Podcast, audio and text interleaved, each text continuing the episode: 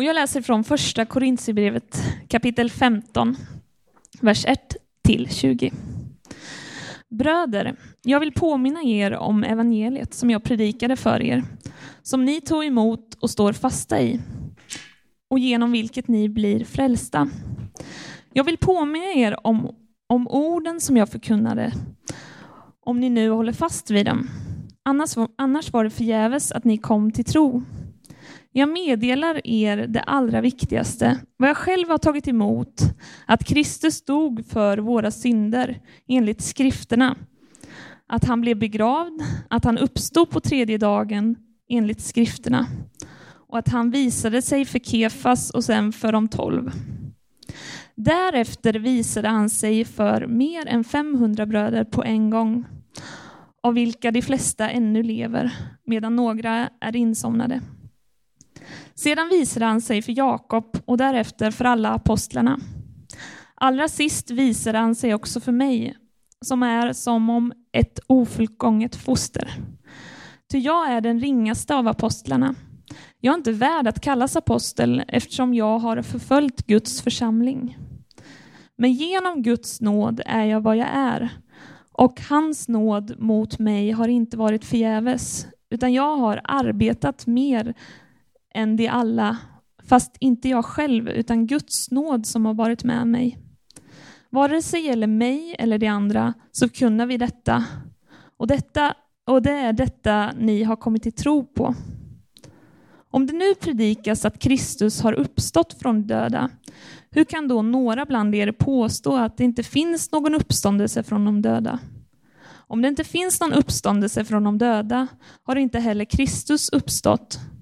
Men om Kristus inte har uppstått, då är vår predikan meningslös och er tro meningslös. Då står vi där som falska vittnen om Gud, eftersom vi har vittnat, om Gud, äh, vittnat mot Gud, att han uppväckte Kristus, som han inte har uppväckt, om det verkligen är så att döda inte uppstår. Ty om de döda inte uppstår har inte heller Kristus uppstått. Men om Kristus inte har uppstått, då är er tro meningslös och ni är ännu kvar i era synder. Då har också de som insomnat i Kristus gått förlorade. Om vi i detta livet sätter vårt hopp endast till Kristus och han inte har uppstått, då är vi de mest beklagansvärda av alla människor. Men nu har Kristus uppstått från de döda som förstlingen av de insomnade. Varsågod bror. Tack Lisa. En köttig text eh, och eh, vi ska ge oss på att lägga ut den. Ehm, som ni hörde så heter jag Brad och eh, för de som inte känner mig, jag är med i den här kyrkan.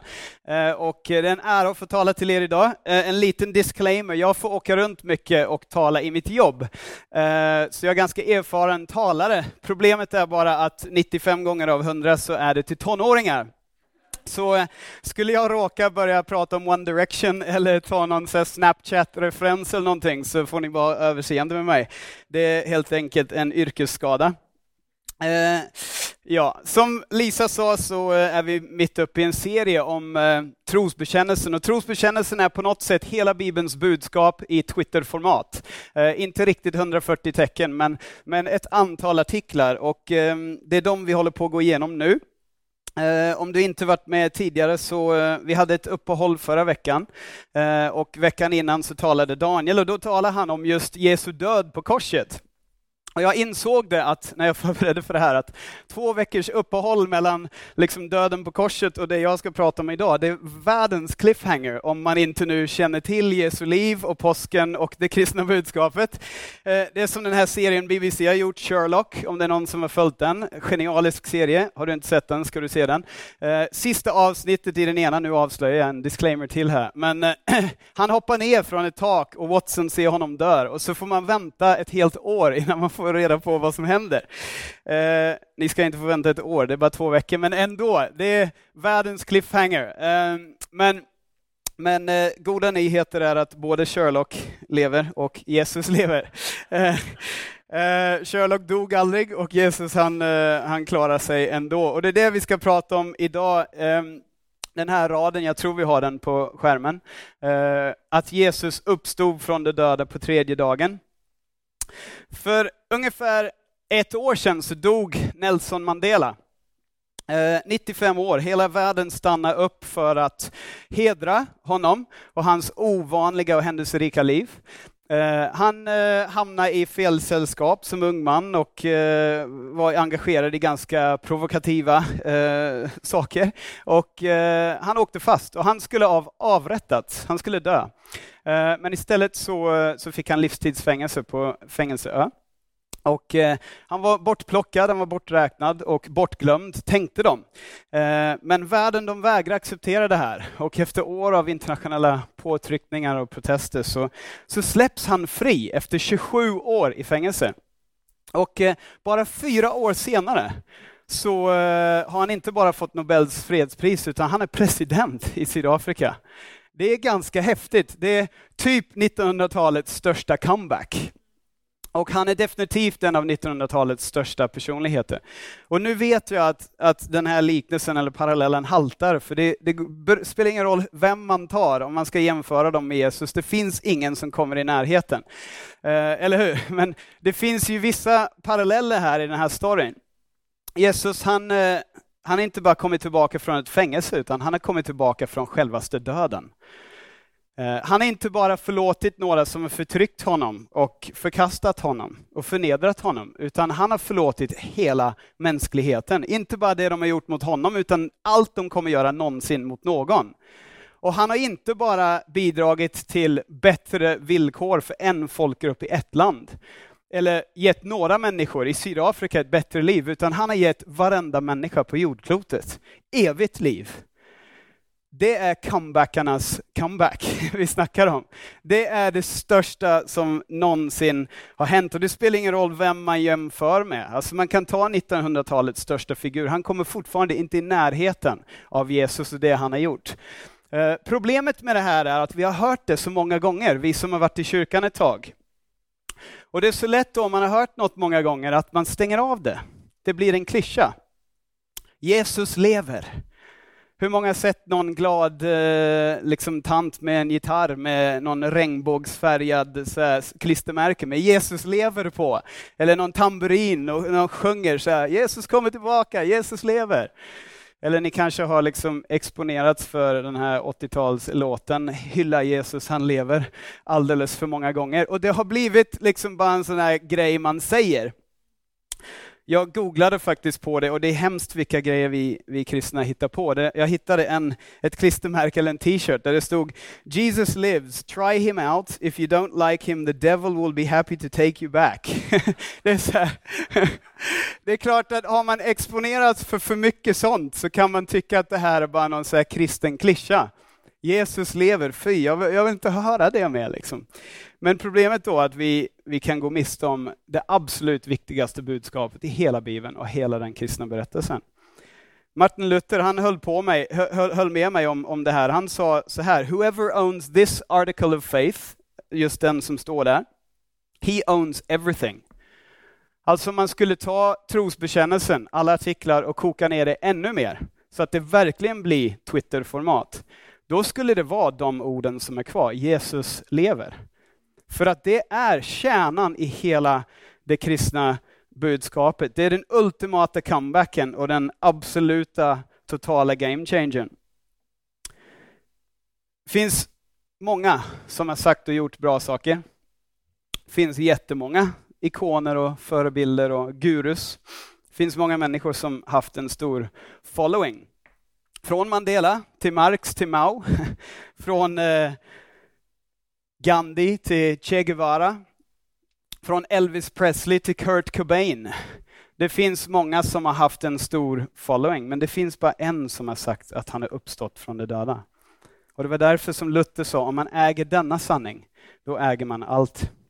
Luther sa också, det här är väldigt passande i novembermörkret, när det inte finns några löv kvar på träden. Ni får gärna be för mig, jag kommer från Australien, jag är inte gjord för det här. Eh, han sa så här, Our Lord has written the promise of the resurrection not in words alone, but in every leaf in springtime. varenda vår så påminner vi oss själva, eller påminner Gud oss om uppståndelsen i skapelsen. Julens budskap som eh, ja, advent pekar på och som vi kommer gå in på. Kom hit förresten om två veckor på eh, Christmas, det kommer bli grymt bra. Men på jul då pratar vi om den första inkarnationen. Gud kliver ner, tar på sig människokött eller, eller liksom en kropp och flyttar in i kvarteret där vi bor. Vi hörde det predikades om det för några veckor sedan och det kommer vi beröra vid jul. Det var första gången som Gud förkroppsligades. Men påskens budskap, det är på något sätt som en andra inkarnation. För att när Jesus besegrar döden och uppstår så gör han inte det direkt upp till himlen. Alla på den tiden tänkte att kroppen den var dålig, den var syndig, den var oren. Så skulle man då uppstå, då skulle man inte uppstå och frivilligt ta tillbaka en mänsklig kropp. Då skulle man rakt upp till himlen eller till någon annanstans. Men vad gör Jesus? Jo, han låter sig inkarneras igen. 40 dagar till går omkring i våra kvarter i ett människokropp. Och vi kommer tillbaka till det, men eh, det är ju ett av de mest centrala sakerna i, i uppståndelsen. Men det här är inte bara ett påskbudskap, utan det är ett budskap för hela året. Det är inte bara för en söndag i mars, april någon gång, utan det är för varje dag och för vår vardag. Och vi kommer till det. Jag tänkte att vi skulle titta på tre saker lite snabbt. Uppståndelsen som grund för vår tro, eh, goda skäl för att tro på uppståndelsen och konsekvenser av uppståndelsen i våra liv, implikationer. Låter det bra? Bra, för jag har inga andra punkter. Så det, eh, det första, Jesu uppståndelse är grunden för den kristna tron. Vi kan gå tillbaka till texten. Jag meddelade er det allra viktigaste, vad jag själv hade tagit emot, att Kristus dog för våra synder enligt skrifterna, att han blev begravd, att han uppstod på den tredje dagen enligt skrifterna. Han säger att det här är det allra viktigaste. Det är det allra viktigaste. Alltså om man plockar bort allt annat så är det här det allra viktigaste.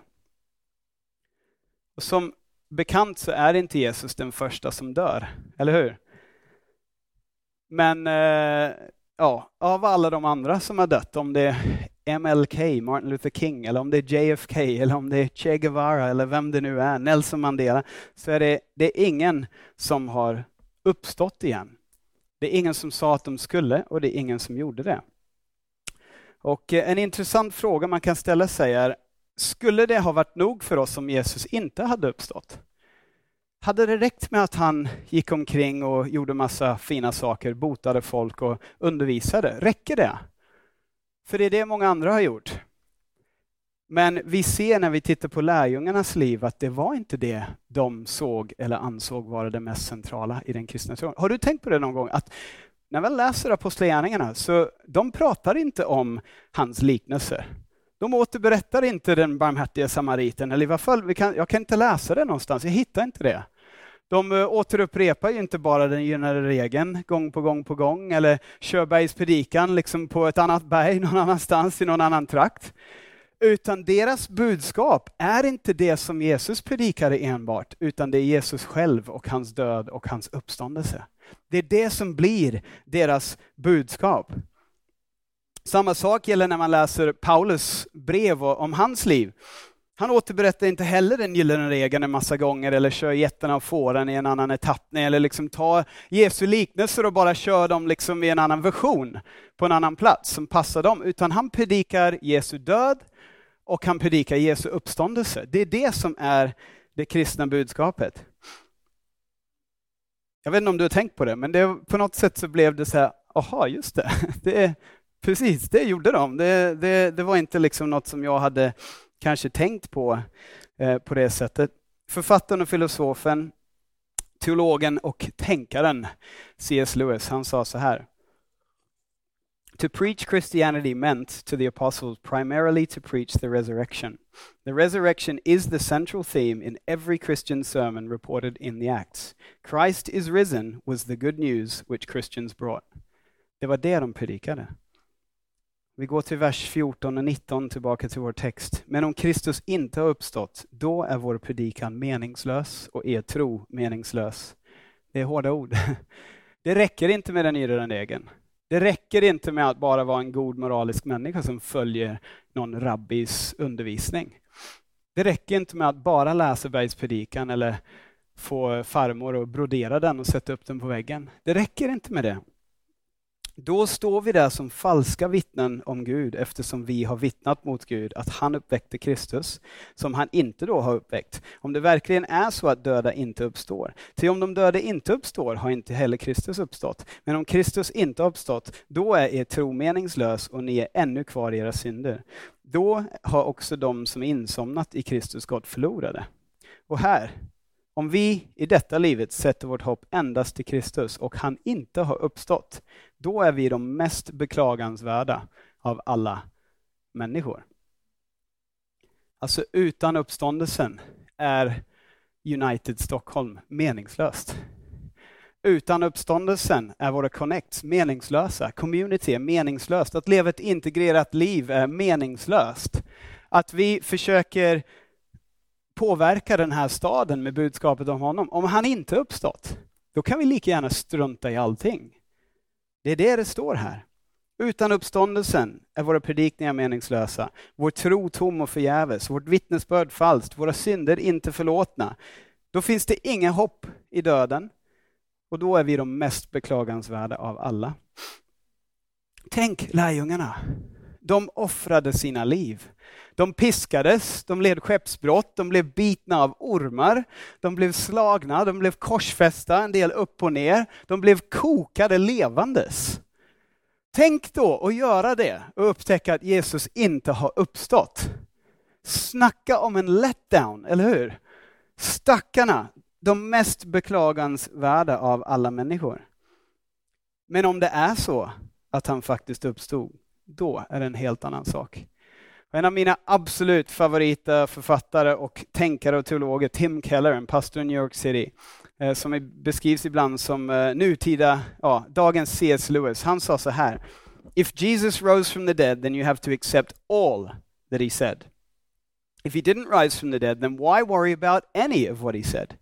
The issue on which everything hangs is not whether or not you like his teaching, but whether or not he rose from the dead. Det räcker inte om du diggar hans undervisning.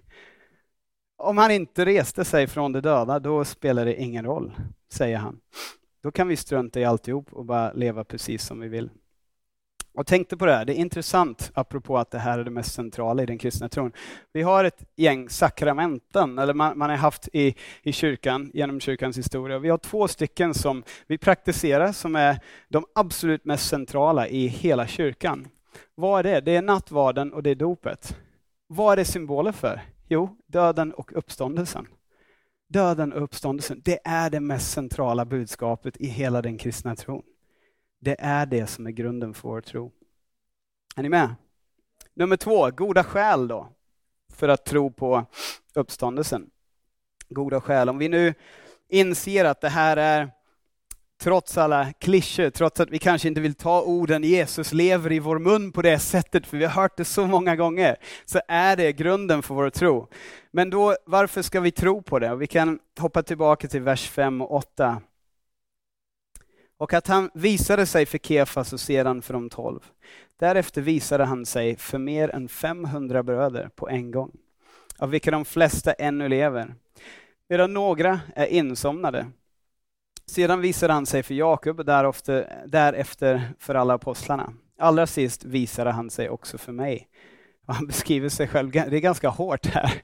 Han, han kallar sig själv för ett ofullgånget foster.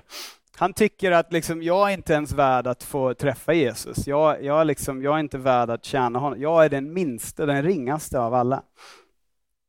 Det är intressant här med att försöka bevisa. Man, man hör, jag har vänner som pratar mycket om apologetik och att man ska försvara den kristna tron. Det tror jag är klockrent. Det är jättebra att vi har liksom bra skäl för att försvara tron. Men ibland så tänker vi att det är helt och hållet upp till oss att försvara uppståndelsen för alla som inte tror på den. Men det är lika mycket upp till dem att försöka förklara och bevisa att han inte har uppstått för oss, eller hur? Alltså varför ska vi hamna på defensiven hela tiden? Det finns ingenting i, i den mänskliga historien som kanske har prövats lika mycket som just det här. som ifrågasatts lika mycket som det här. Spurgeon, Charles Haddon Spurgeon, en baptistpastor på 1800-talet, han sa så här. The resurrection is a fact better attested than any event recorded in any history, whether ancient or modern. Det finns så många människor som har ifrågasatt och satt det här på prov, men ändå så eh, lever det vidare. Det tar, ingen kan ta död på den här sanningen. Men vi ska ändå titta på några skäl för att tro. Jag vill inte kalla det här för bevis. Eh, för när vi pratar om tro så blir det konstigt att prata om bevis. För, för, för tro kräver ju något annat än bevis, men ändå finns det många goda skäl. Det första är den tomma graven. Jag åkte till Israel eh, 2001 med en kompis och då åkte vi runt och ehm, sov ute i öknen och red på kameler och åt falafel och gjorde allt vad man gör där. Färska dadlar, åh, oh, så gott. Eh, och då åkte vi till trädgårdsgraven och vi åkte till kyrkan där man tror att han kanske begravdes. Det finns nämligen två, minst två platser där man tror att han kanske var under de dagarna som han var död då, eller, eller begravd. Man vet inte vilket ställe han, eh, han låg på, men tro att det kan vara där eller det kan vara där. Det kan till och med vara någon annanstans. Och alla försöker casha in på det här självklart och säga att det är här det är. Liksom. Det är som varenda pub i England, är Englands äldsta pub. Det är så här, alla ska på något sätt bara, ja men vi har det liksom, och så säljer de souvenirer och vykort och allt vad det är. T-shirtar, jag har varit vid graven. Eh, men det är ingen som vet. Och jag var där och jag måste säga att det var lite av en letdown att komma dit. Man har hört om folk som så här, vallfärdar till liksom JFKs grav, eller Jim Morrisons, eller Jimi Hendrix, eller vem det nu är man gillar. Och så här, det är världens upplevelse att komma dit. Det är liksom nästan som en sakral upplevelse. För att det är det enda man har. Man vet att de ligger här, finns inget annat. Det, det här, is all I've got. Liksom. Och då gör man värsta grejerna och vallfärdar dit. Och så men man kommer till Jesu potentiella grav och det står He is not here for he is risen. Och så vet man att ja, även om det var här så var han bara här i ett par dagar. Det var så snabb visit liksom. Det är inte samma grej. Det är lite av en lätt... Det är mycket roligare att dra till de platser där han helade människor och där han liksom predikade. Det, där känner man verkligen så här, ja. Men, men graven, man vet inte ens liksom vilket som, vilken plats var hans grav. Och det menar jag är skäl för att tro på uppståndelsen. För var det så att han hade dött på riktigt och blivit begraven och aldrig uppstått, då hade man faktiskt tagit reda på vad han var. Men eftersom han var där ett par dagar och drog sen, så var det inte så noga. Det var andra saker som blev viktigare i den här berättelsen. Eller hur? Nummer två, alla ögonvittnen finns massor. De första ögonvittnena var kvinnor. Och jag vet inte om ni har tänkt på det, men på den tiden, det är ju helt hemskt, förfärligt, men på den tiden så räknade man inte en kvinnas ord i en rättegång. De, eh, de var inte värda nog. Alltså det en kvinna sa, det, det kunde man inte använda som bevismaterial. Men vad gör de? De skriver in i Bibeln att de första som såg honom var kvinnor. Dels tror jag det här är en statement från Gud, vad han tänker om det upplägget som de levde med då och hur de behandlade kvinnor. Men sen så bevisar det också på något sätt att ja, men han, han var, det, det här var ingen story som de försökte så koka ihop. Om det var så, då hade de tagit den mest välansedda, mest respekterade gubben i stan, som alla skulle tro på, och sagt att han såg honom först. Det var han som var i trädgården. Men nej, det var en kvinna vars ord ändå inte skulle räknas. Men de var trygga i att det här faktiskt hade hänt på riktigt och då behövde de inte fuska med storyn. Lärjungarna, de var också ögonvittnen. Det står att han var med dem i 40 dagar. Man kan tänka sig, de har varit med honom, de tror att han kommer bli kung och så dör han istället. Världens letdown.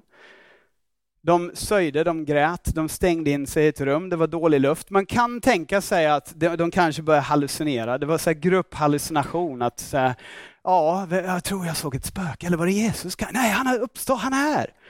Kanske kunde det ha varit så om det hade handlat om ett par minuter. Men han var med dem i 40 dagar. De fick käka med honom, de fick fiska med honom, de fick hänga på stranden med honom. De fick till och med stoppa in fingrarna i hålen i hans händer många ögonvittnen. Det står också i bibeltexten vi läste att 500 till såg honom. Och då tror vissa att jo, men det var lätt att lura folk på den tiden. De var ganska okunniga, obildade, ovetenskapliga människor. De trodde allmänt bara att folk bara uppstår så här, hur som helst. Som zombies, bara liksom, ja men det, visst, varför inte? Men faktum är att på den tiden fanns det inte en enda religion som predikade den typen av kroppsliga uppståndelse. Snarare tvärtom. Kroppen var dålig, den var syndig. Om man hade dött och uppstått, det sista stället man skulle vilja återvända till är sin syndiga, dödliga, konstiga, dåliga kropp. Världsliga kropp. Liksom. Man vill vidare, man vill någon annanstans. Så det här var ju helt revolutionerande, att Jesus kom tillbaka, inkarnerad även efter uppståndelsen. För att han bryr sig om den här världen, han bryr sig om kroppen, han bryr sig om våra kvarter. Han bryr sig om det här livet som vi lever här och nu. Det tredje här är lärjungarnas transformation. Jag vet inte om du har tänkt på det, men bara några veckor tidigare så var det ett gäng fega, rädda svikare som hade lämnat Jesus. Som inte ens vågade erkänna att de hade hängt med honom. Och så plötsligt är de världens mest modiga och frimodiga, självuppoffrande hjältar som låter sig kokas levande för att de tror så stenhårt på honom. Något måste ha hänt, eller hur?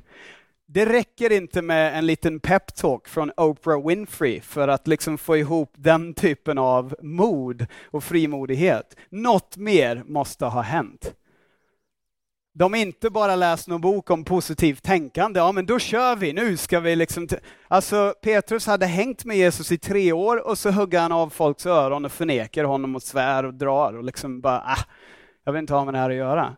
Och sen så står han där som kyrkans fader och predikar inför tusentals människor och kickar igång hela den rörelsen som vi tillhör, som är den kristna kyrkan.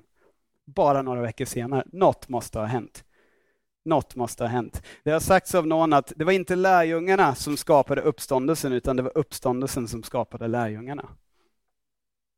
Det var inte lärjungarnas tro som skapade uppståndelsen, utan det var uppståndelsen som skapade lärjungarnas tro.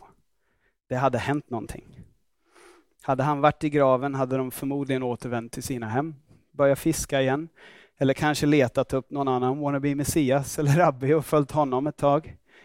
Men de hade inte gjort det de gjorde, de hade inte offrat sina liv.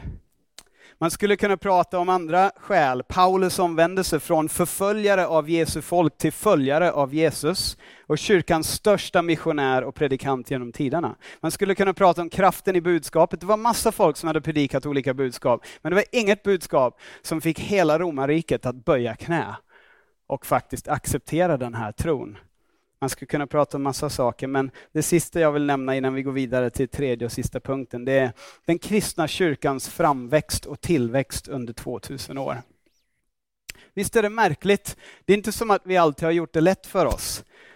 Vi har blivit förföljda, vi har blivit hånade, vi har blivit marginaliserade och vi har varit ganska dåliga själva med vår marknadsföring ibland. Kolla bara på liksom kristna t-shirts på Google så eh, kan du, det bästa vi kan komma på byta ut Coca-Cola-loggan och skriva Jesus Kristus istället. Det är så här, där vår kreativitet tar slut. Det är så här, Lord of the Kings har jag sett någon som står. Eller så här, ja. Prayboy var det till och med en som jag såg. Det är helt värdelösa marknadsföringsprojekt som vi har kickat igång. Men ändå så lever den kristna kyrkan vidare. Eller hur? Det spelar ingen roll hur sekulärt det blir, den kristna kyrkan bara växer och växer och växer och växer. Det kanske får en svacka i en viss världsdel, men på det stora hela så fortsätter det bara växa och växa och växa. Vet du vad jag tänker? Jag tänker att Jesu kropp kunde de inte ta död på, hans fysiska personliga kropp. Ja, men då kan de inte heller ta död på hans kollektiva kropp. Det är vi.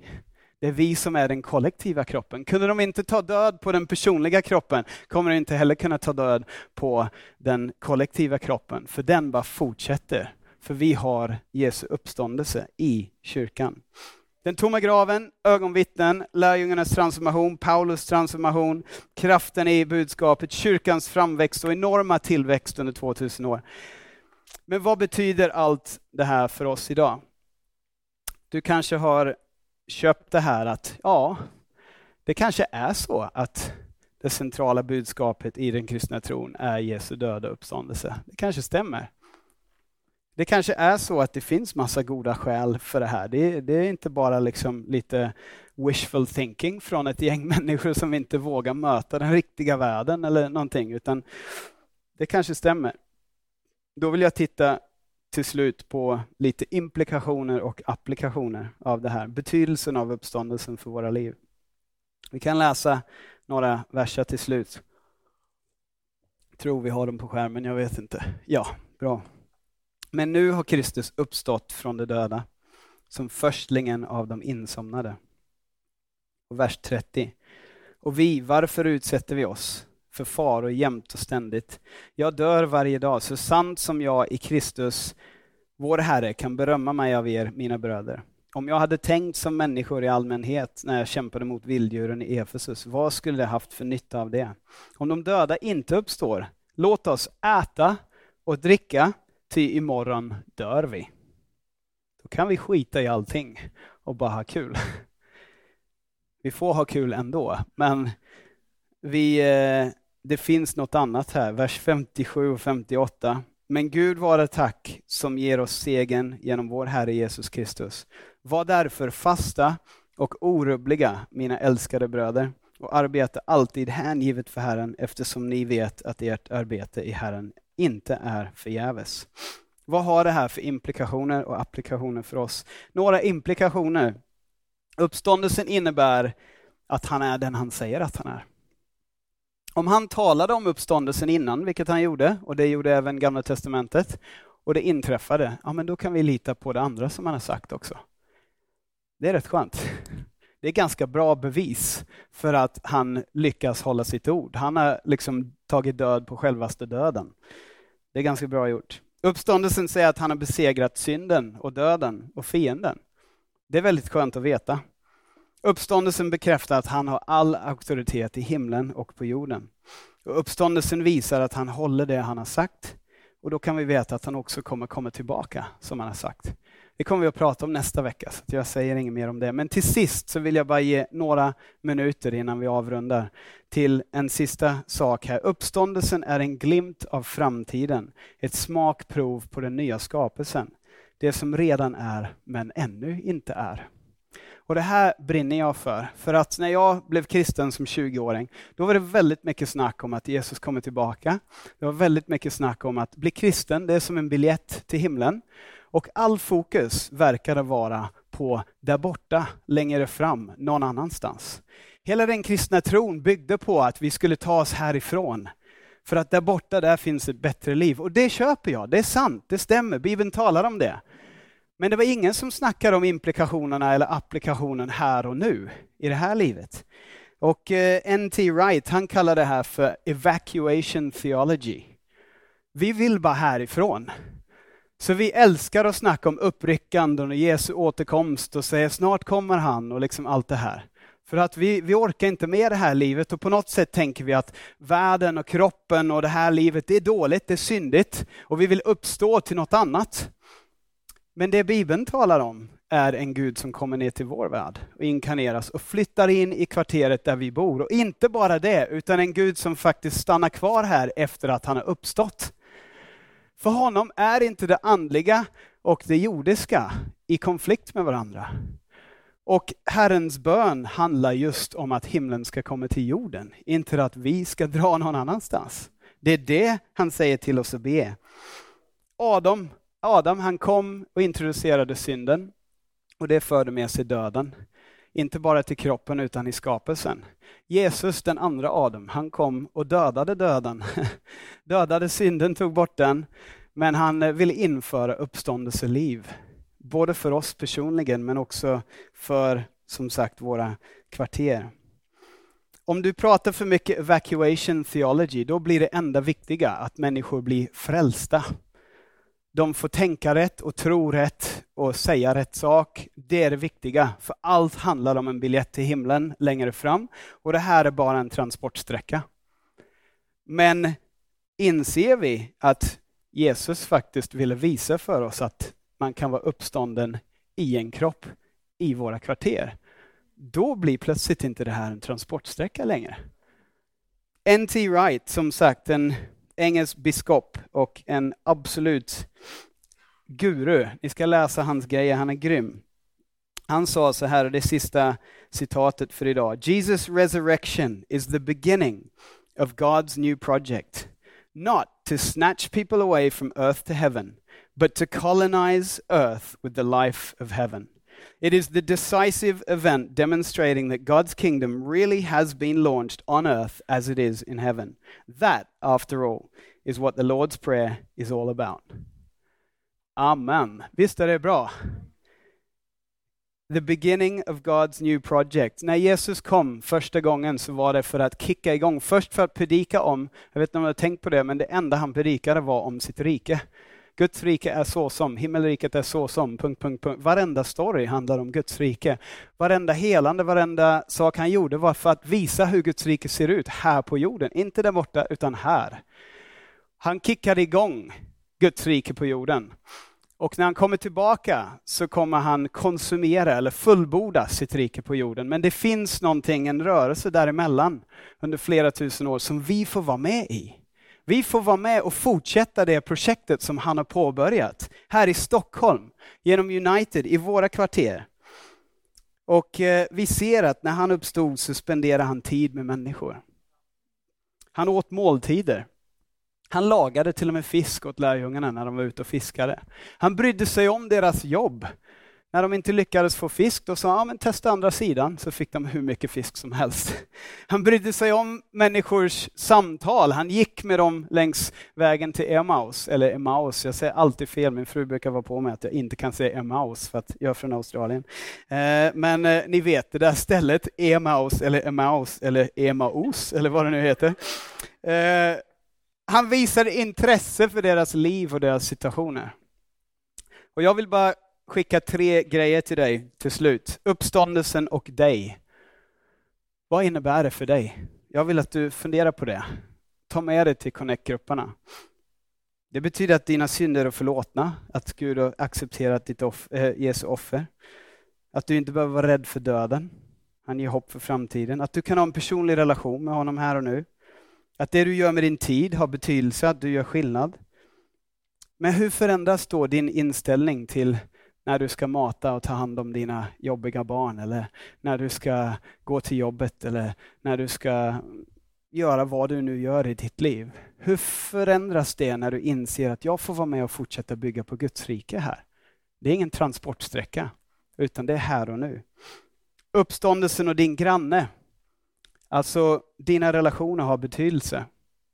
Dina samtal med grannen och arbetskamraten har inte bara betydelse när du evangeliserar och delar ut traktater och säger Jesus lever och spelar tamburin och gitarr. Nej!